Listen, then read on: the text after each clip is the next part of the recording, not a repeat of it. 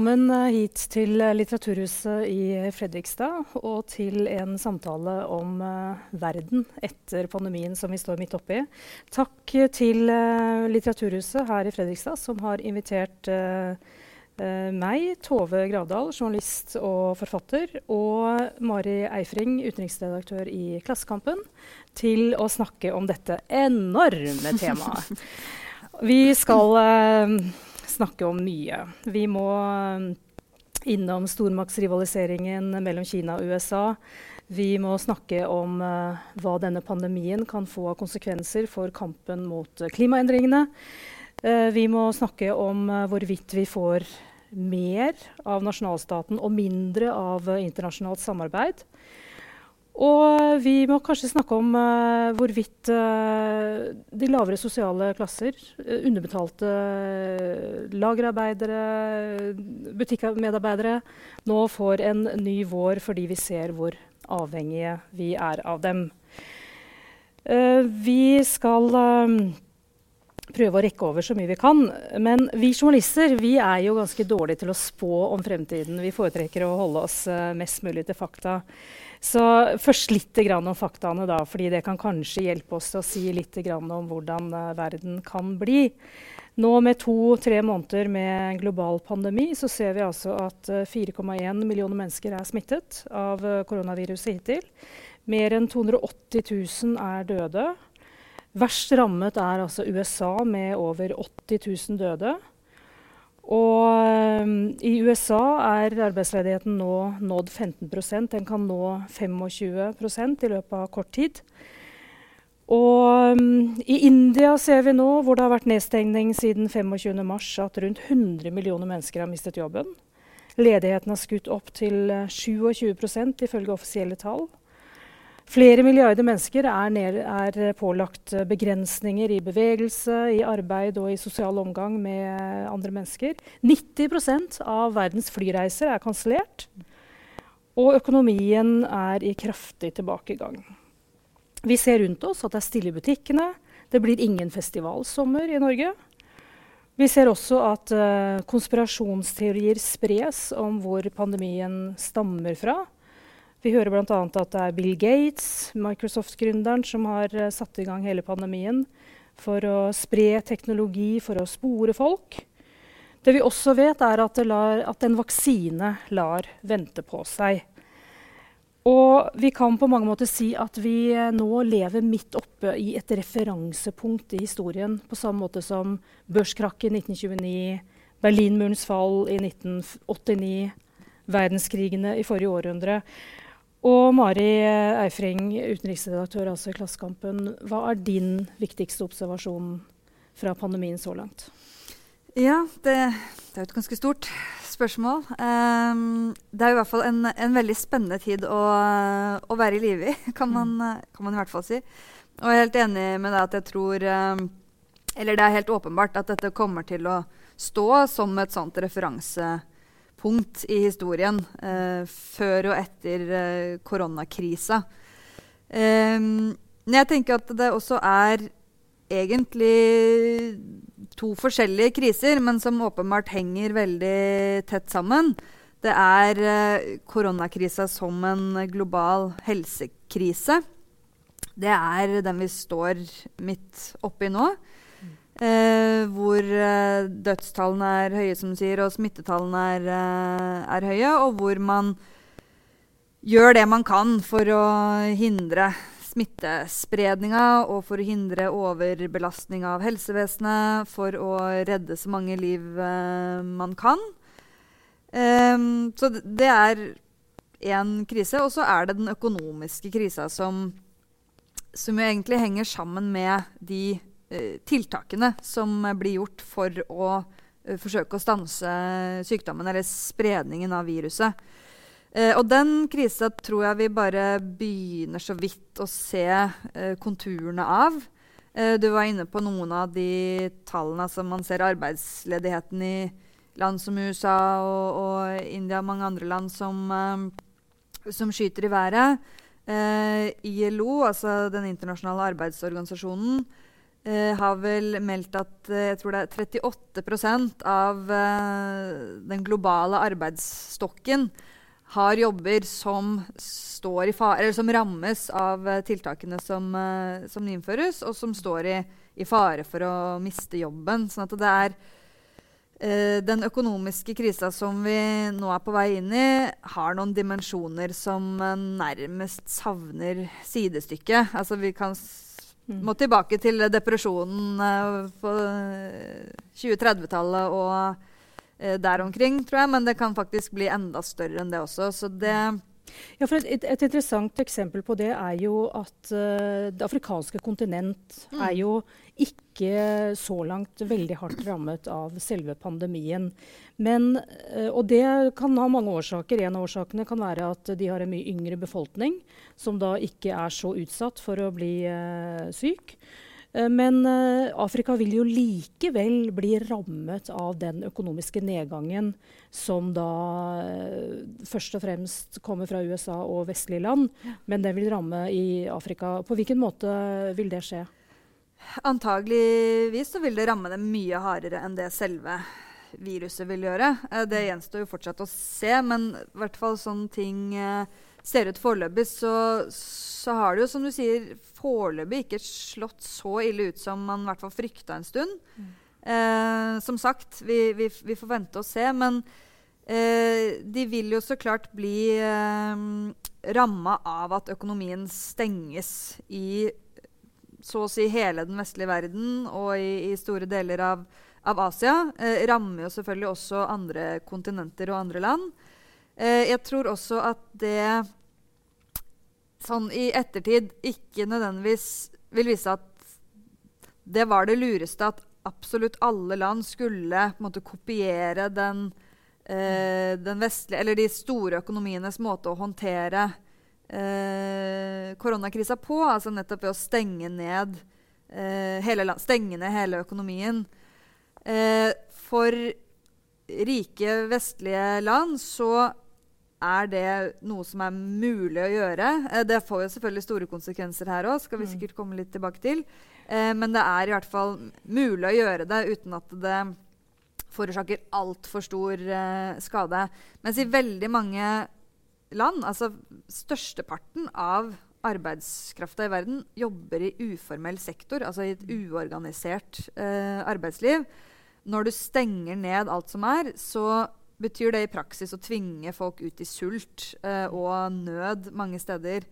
Eh, og det så man jo f.eks. I, eh, i India, der man eh, nærmest ut av det blå innførte en uh, karantene Eller ja, satte hele landet i karantene på veldig kort uh, varsel. Noe som gjorde at veldig mange av de som jobba inne i storbyene i uformell sektor, eh, måtte legge ut på reise ut til landsbygda for å i det hele tatt ha et sosialt sikkerhetsnettverk, fordi det ikke finnes i de store byene. Mm. Så det, der oppnådde man jo det motsatte av det man forsøkte. Eh, man ville hindre smittespredning, men det som skjedde, var at alle busstasjonene alle transportsteder eh, Det ble enorme opphopninger av mennesker som ville prøve å komme seg, mm. komme seg ut, og folk var eh, desperate. Så det er Eh, den adopteringa av eh, de vestlige løsningene eh, for alle land tror jeg ikke nødvendigvis har vært den beste måten å håndtere mm. Det er jo ikke først og fremst vestlige løsninger, det er jo Kina som startet med denne isoleringen ja, og holde folk hjemme. Men det er nå så sin sak. Um, vi kan jo langt på vei uh, fastslå at pandemien er et resultat av globaliseringen. Og at mennesker beveger seg med så stor uh, letthet igjen mellom land og har, eh, har, flyttet dette viruset fra land til land. Og pandemien har da ført til at uh, kapitalismen, som er liksom den drivkraften sant, til denne globaliserte verden og altså, Kapitalismen og globaliseringen er nå langt på vei suspendert pga. Mm. Pan pandemien.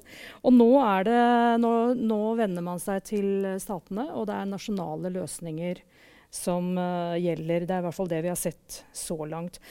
Du er jo tidligere Rødt-politiker. Du har vært partisekretær i Rødt. Du har uh, ledet Rød Ungdom. Dette må jo være en slags våt drøm for deg, da? At globaliseringen nå er suspendert? Ja, jeg vil ikke si at akkurat sånn verden ser ut nå, har vært mitt ønskescenario. Det tror jeg ikke det har vært for noen. Men, men det, er, det som jeg syns er fascinerende å se, er at for en liten stund så har man faktisk satt eh, kapitalismens eh, tyngdekraft nærmest på, på vent. Mm. Eh, og regjeringer har eh, eh, har innført ordninger som gjør at man i hvert fall for en stund, har satt befolkningens helse Eller i hvert fall en intensjon om å beskytte befolkningens helse og sikkerhet foran uh, økonomisk veksthensyn eller foran markedsøkonomiske hensyn. Mm. Uh, og det er ganske unikt, rett og slett. Så det tenker jeg også vil stå igjen som et referansepunkt. At i denne krisa så var nasjonalstatene villige til å, til å gjøre nettopp det. Um, og det viser jo også noe med at når det oppstår sånne kriser som dette, så, så, er man faktisk nødt til å gjøre det hvis man skal klare å håndtere visse problemer. At det ikke er nok å overlate til markedet og, ordne opp. Det ville ikke vært mulig i denne krisesituasjonen å overlate det til, til markedet og, sørge for nok utstyr, sørge for uh, sikkerheten til, uh, til, folk, og at man uh, i hvert fall i, i mitt, uh, mitt syn, har vært avhengig av å ha nasjonalstatene som uh, en organisasjon da, som har kunnet forsøke etter beste evne å håndtere dette. Mm. Og det er vel sannsynlig at vi får se en slags reversering, eller i hvert fall en justering av av den globaliserte økonomien. Det første vi kan regne med, er vel kanskje at uh, Uh, mye av den produksjonen som Kina har hatt uh, nesten monopol på de siste årene, med medisiner, masker, smittevernutstyr, at uh, nå får vi en Nå kommer den produksjonen tilbake igjen til Europa, f.eks. Mm.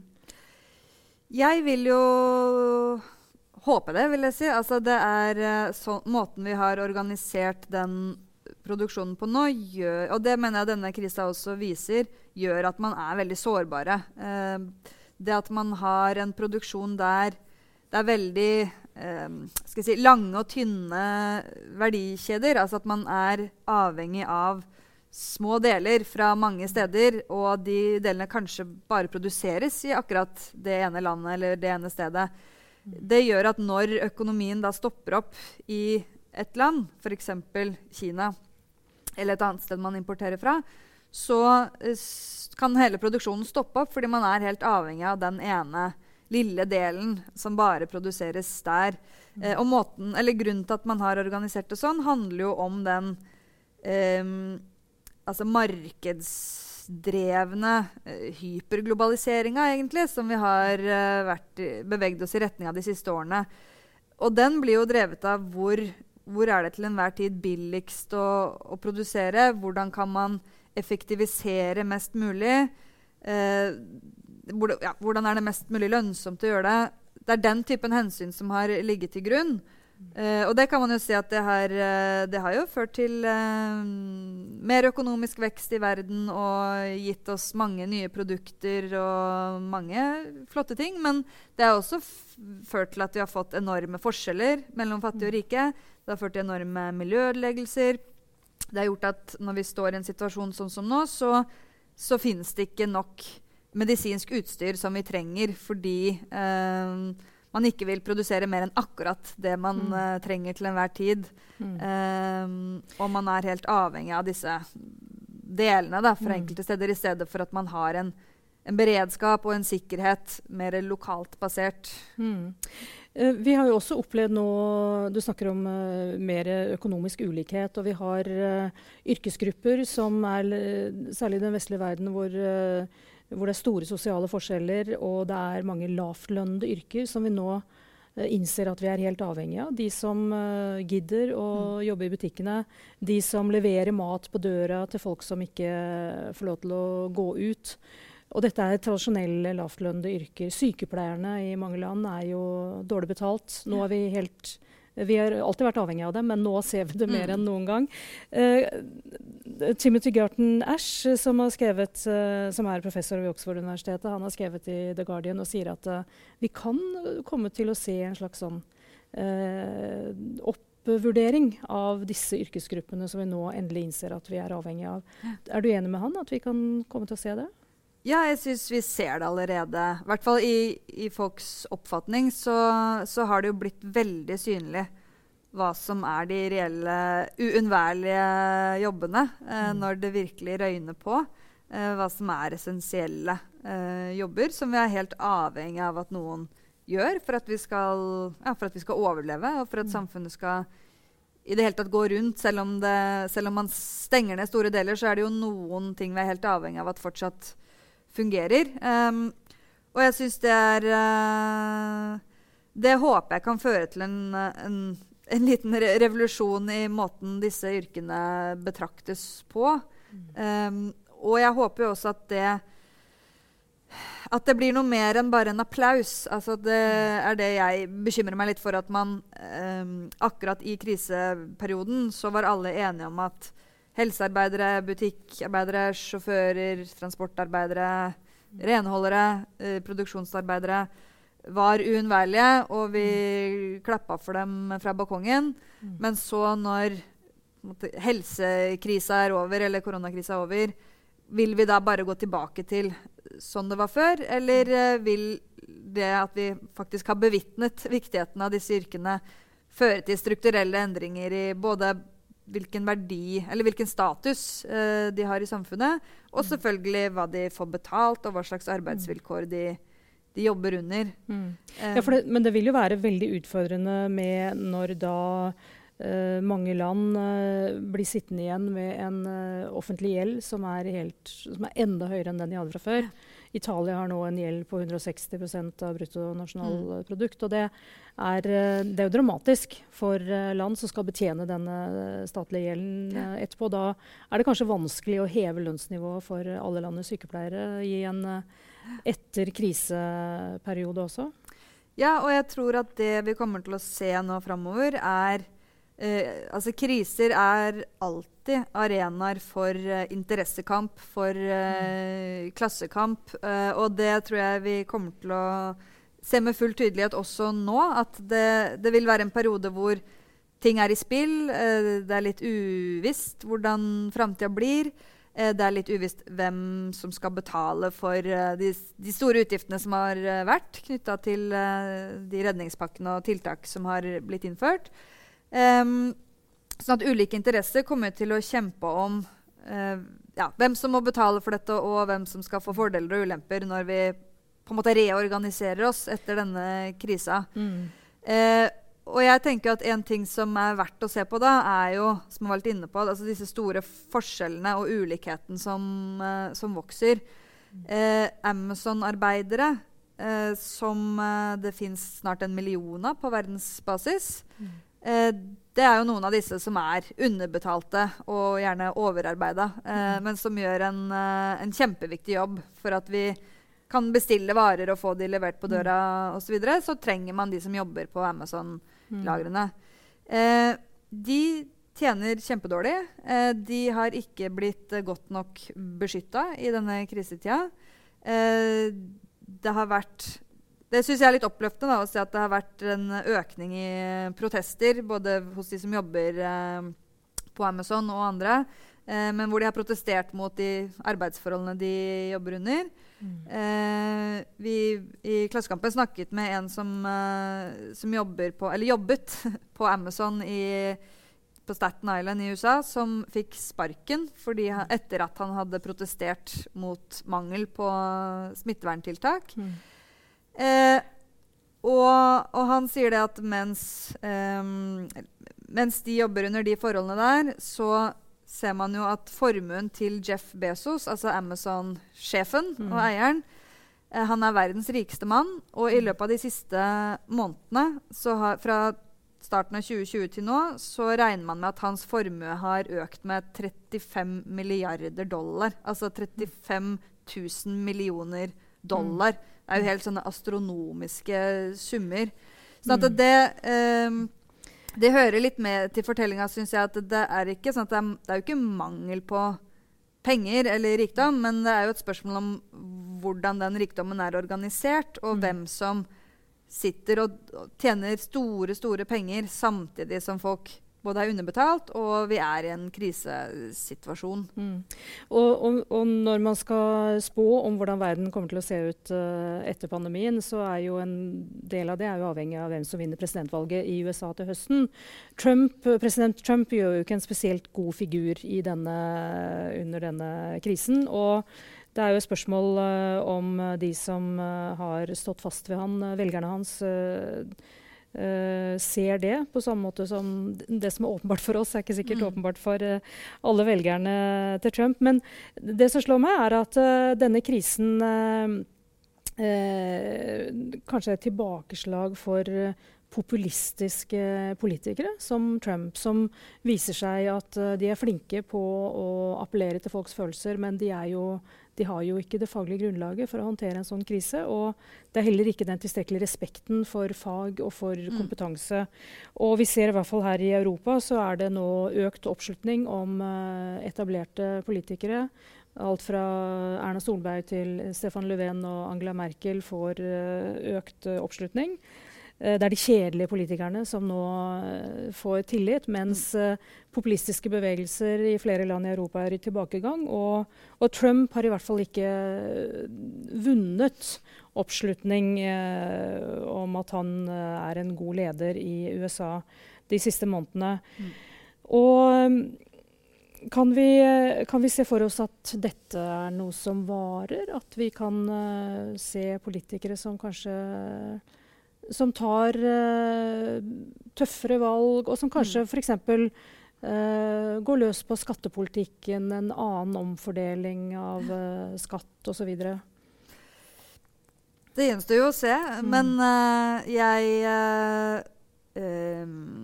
Jeg ville nok ikke tatt seieren helt på forskudd hvis man tenker at nå er høyrepopulismen overvunnet og nå har vi gått, gått videre.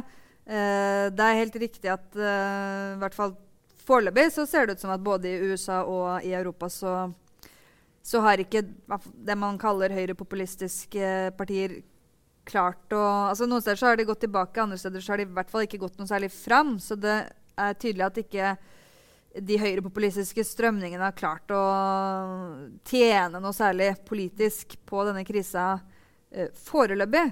Eh, og jeg tenker at også i en, en sånn helsekrisesituasjon som vi, har, uh, som vi står oppi nå, er det ikke så mystisk egentlig at ekspert helseeksperter eller eh, myndigheter som har en sånn faglig autoritet, står høyere i kurs fordi mm. det er et sånt ukjent det er en slags ukjent fiende som man mm. uh, vil vite mer om. Man, man, vil vite hvordan man beskytter seg mot det.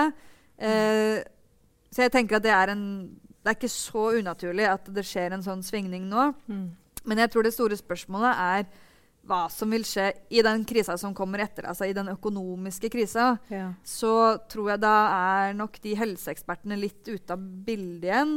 Eh, og så er spørsmålet hvordan man skal håndtere det. Og da kommer vi litt tilbake til disse store interessekonfliktene mm. og kampen om hvem som, eh, som skal få regninga, og hvem som skal bli syndebukk. Mm, mm. og det er jo fort gjort å se for seg at Uh, at det f.eks. kan bli innvandrere som uh, Eller som i hvert fall ikke Altså at høyrepopulistiske, innvandringskritiske røster uh, kan nok en gang prøve å peke ut syndebukker for når, når, man er i en pressa økonomisk situasjon mm. og man mm. må fordele godene, så er det ikke gitt at det vil være et sånn solidarisk utgangspunkt for hvordan det, det skal løses. Mm. Så det, jo, ja, det blir en interessekamp der også, tror jeg.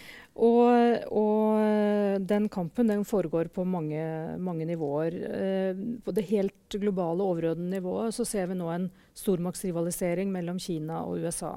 Kina har i flere år vært på vei til å, å vokse seg eh, altså Økonomien i Kina er i ferd med å vokse seg like stor som den amerikanske økonomien. og Eh, noen mener nå at, eh, at, pandemien akselererer den utviklingen, og at Kina nå etter pandemien kan fremstå som, eh, som eh, verdens eh, stormakt.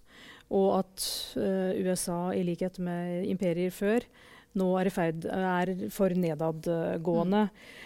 Og jeg har skrevet en bok om FNs sikkerhetsråd som er kommet ut nå i vår. Og jeg har fulgt FNs sikkerhetsråd i, ganske tett de siste månedene. Og de siste ukene har den stormaktsrivaliseringen til og med foregått i forhandlinger i FNs sikkerhetsråd, hvor de nå i ukevis har forsøkt å bli enige om mm. en uh, resolusjon som ganske enkelt skal si at uh, nå må verden forenes uh, mot denne felles fienden, koronaviruset. Og så må krigførende parter i, rundt omkring i verden de må legge ned våpnene, sånn at vi kan konsentrere oss om den kampen. Mm. Men Kina og USA greier ikke å bli enige om formuleringen i denne resolusjonen. Det er ganske ganske ille å se på at uh, Sikkerhetsrådet er så handlingslammet selv i denne krisen. Hva tror du, vil Kina komme ut som mektigst i verden etter denne pandemien? Nei, det tror jeg ikke. I hvert fall ikke med det første. Uh, men vi må huske på at før, altså det som var situasjonen også før denne pandemien, var jo at USA og Kina Uh, holdt jo på med denne stormaktsrivaliseringa mm. lenge før pandemien. Og det har jo vært en pågående handelskrig og en sånn ideologisk uh, krig, egentlig, mm. uh, mellom, mellom, de to i flere år. Um, også før Trump sin tid, så det handler ikke bare om, om Trump. Um, men det handler jo om hvem som hvem er det som skal ha hegemoni, eller hvem er det som skal lede an i, uh, i nyøkonomien og nye teknologiøkonomien, som vi også går mer og mer over til. Mm. Uh, og det er kjempestore interesser som, som står på spill. Uh, så det er klart at det ser man jo nå, at ver verken Kina eller USA klarer å la det ligge. Mm. altså det er, at De også skjønner jo at denne pandemien som et sånt referansepunkt um, vil også ha noe å si for hvem som blir sett på som ledende i veien ut av krisa. Mm. Eh, så det pågår jo en kjempeposisjoneringskamp mellom de. Mm. Eh, og Kina kom jo litt eh, kan vel si at kom litt skeivt ut av det, i og med at viruset jo starta i, i, Kina. Og har jo i etterkant av det prøv, og fikk jo mye kritikk for håndteringa i starten med at ting ble holdt nede og ikke mm. var, ikke var åpent. Eh, men så har jo de gjort et, eh, et veldig iherdig forsøk på å kompensere for det og eh, bli sett på som en slags sånn helsepolitisk eh, stormakt. Mm. Eh, og har jo også fått mye skryt og fått mye ja, goodwill pga. Mm. det. Og så har du samtidig USA som forsøker å måtte rive det ned da, med å hele tiden komme tilbake til liksom, China virus mm. og hele tiden minne folk på at uh, viruset kom fra Kina. Mm. Og så denne um, teorien om at det kom fra et laboratorie osv. Så, videre. Mm. så de spinner hele tiden mm. videre på det for å ikke, ikke la Kina få den muligheten da, til å etablere seg Mm. som den helsepolitiske stormakten. Mm. Eh, og jeg tror, eller jeg tror kineserne selv frykter det eh, i ganske stor grad. At de eh, skal bli At den kampanjen som USA fører nå, skal eh, lykkes, og at de eh, vil få en svekka posisjon internasjonalt mm. som følge av det. Uh, så det er litt uh, Jeg syns det er litt uh, tidlig å si akkurat hvor det vil ende. Men man, ser, man så det jo allerede før pandemien at Europa f.eks. var har jo vært en slags slagmark eh, mellom USA og Kina i, når det gjelder markedstilgang for teknologi. Hvem er det som skal bygge ut 5G-nett? Hvem er det som skal Uh, ja, få, markedsadgang. Uh, der pågår det en, uh, en, stor kamp mellom de to stormaktene. Mm. Og så er det viktig å minne om at USA fortsatt er den dominerende militærmakten i verden. Ja, Kina har langt igjen før de har den samme militære slagkraften som USA.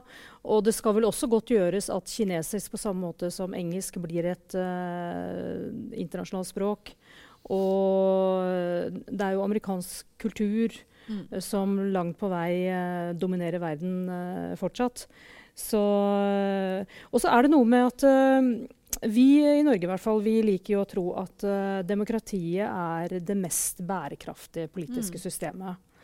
Eh, Riktignok så er det jo flere som eh, kanskje mener at en autoritær stat som Kina da, eh, er bedre i stand til å håndtere en sånn krise, fordi de kan bare innføre direktiver, og så skjer det de mener er best for landet. Uh, men Kina sliter jo også med at de må bruke mye krefter på å stagge en befolkning mm. som hele tiden Det popper jo opp stadig vekk sånne demonstrasjoner og protester mot den undertrykkelsen som fortsatt finnes, som finnes i Kina. Og mm. det er jo kanskje ikke bærekraftig på sikt. Nei, altså det er uh, I Kina så har jo ikke politisk frihet, sånn som vi kjenner det i våre vestlige samfunn, stått spesielt høyt i kurs. Uh, om det om, det, er, om, Kina er en sånn trykkoker, og at det egentlig bare venter på å velte ut et sånt demokratisk, demokratisk opprørsbevegelse, er jeg litt usikker på. Jeg jeg tenker at det ofte er litt sånn vestlig ønsketenkning. Mm. Eh, og tro at det er noe nært forestående, eller at, eh, at det man ser i Hongkong f.eks., uh, gjelder egentlig for veldig store deler av den kinesiske befolkningen. Jeg tror egentlig ikke det, uh, men jeg tror jo at mange um, At sånn krisehåndtering sånn som nå, det kan jo slå begge veier for uh, kommunistpartiet i Kina, som jo kontrollerer Kina. Det kan jo både gjøre at de blir, kommer styrka ut av det, fordi man ser at de klarer å håndtere en krise og Uh, ja, at det er fordeler med et sånt autoritært styresett. Mm. Men det kan jo også være motsatt, at man ser at det er uh, ting ved det de ikke har klart å håndtere. Sånn som man så innledningsvis, at mm. det forsøket på å hysje ned de tidlige tegnene på at her var det et virusutbrudd, mm. eh, også svekker tilliten til det systemet. Mm. Og det er klart at hvis du får mange sånne episoder, eller um, at det skjer en sånn utvikling hvor man mister tilliten til det systemet og, og det partiet, mm. så, så, er de jo i større Mer trøbbel enn det de har vært, da.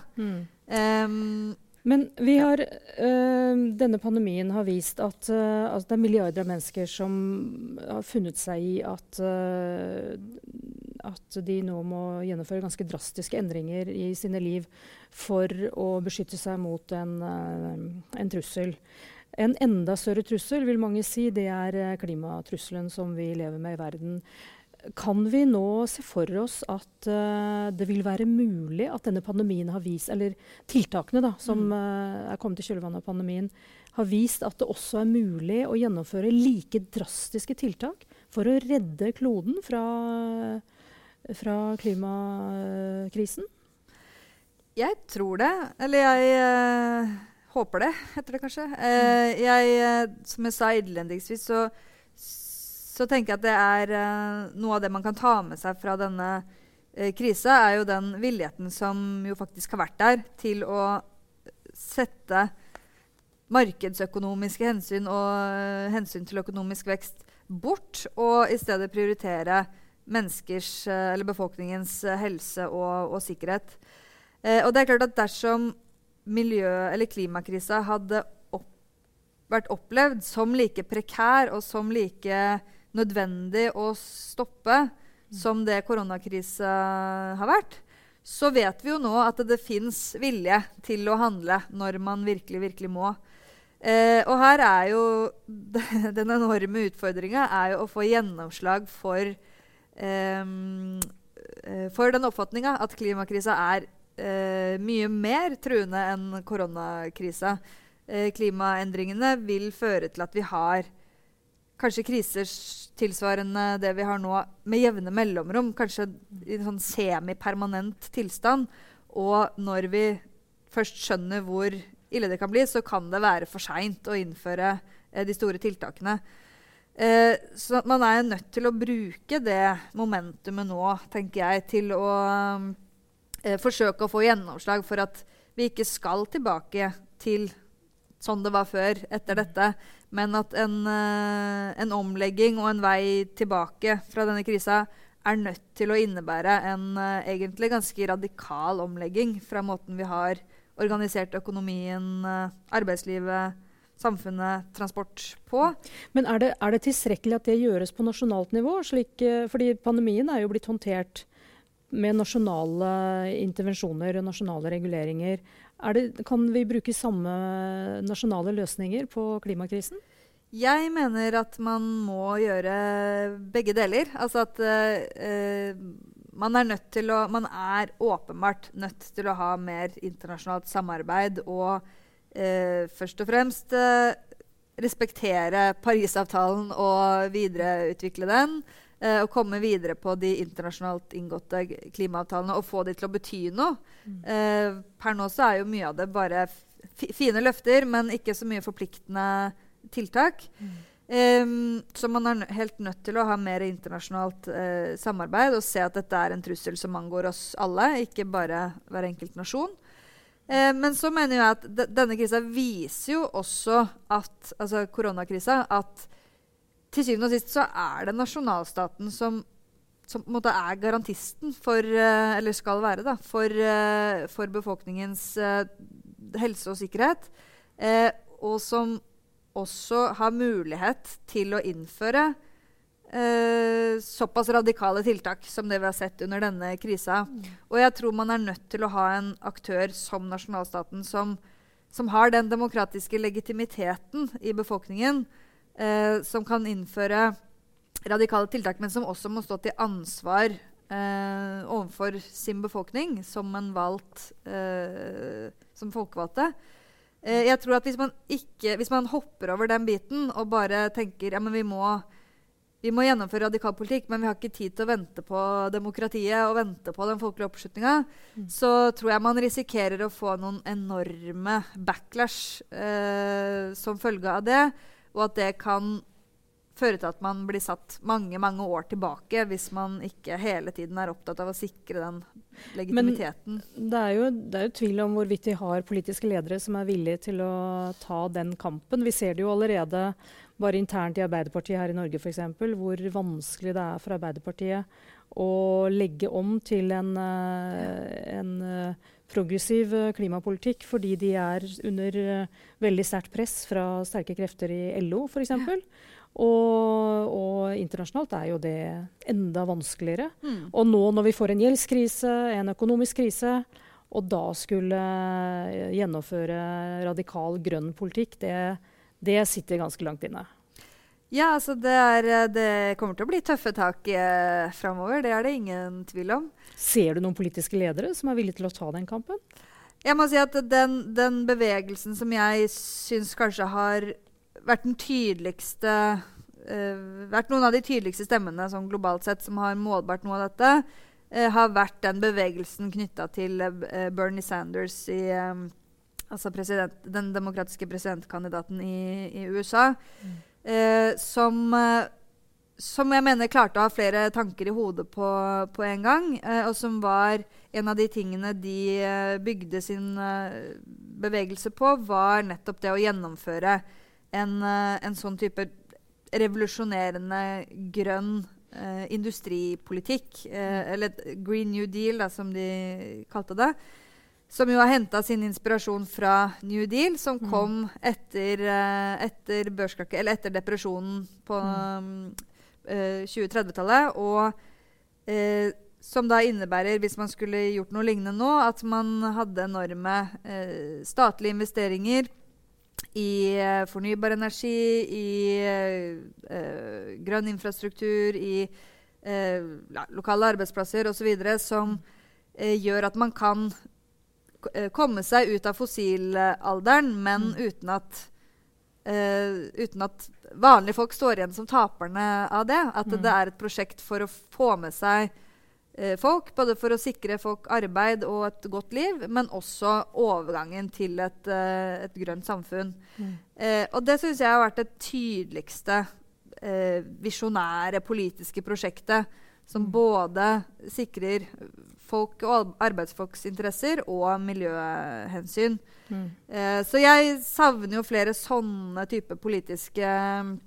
ledere og, og krefter som som har sånne type uh, visjoner, og som også presenterer det som kriseløsninger. At nå er vi jo plutselig i en situasjon som ligner ganske mye på uh, det som var tilfellet da den opprinnelige New Deal ble lansert. Altså at det mm. er depresjon og massiv arbeidsledighet. Og, og noen, noen, vil jo si, uh, og jeg heller vel uh, i den retning at Frankrikes president Emmanuel Macron har noe av den, de samme progressive tankene på vegne av EU. For å gjøre EU til en drivkraft både for en grønn omstilling i Europa og, og for å ivareta respekt for demokrati og menneskerettigheter. Uh, når i denne stormaktsrivaliseringen mellom et autoritært Kina og et uh, mer og mer isolasjonistisk uh, USA. Vi skulle gjerne ha snakket mer om EU, for der er vi kanskje til og med litt uenige om hvilken rolle EU skal ha i fremtiden. Men nå renner tiden vår ut. Og bare helt til slutt Tror du det kan komme noe godt ut av denne krisen?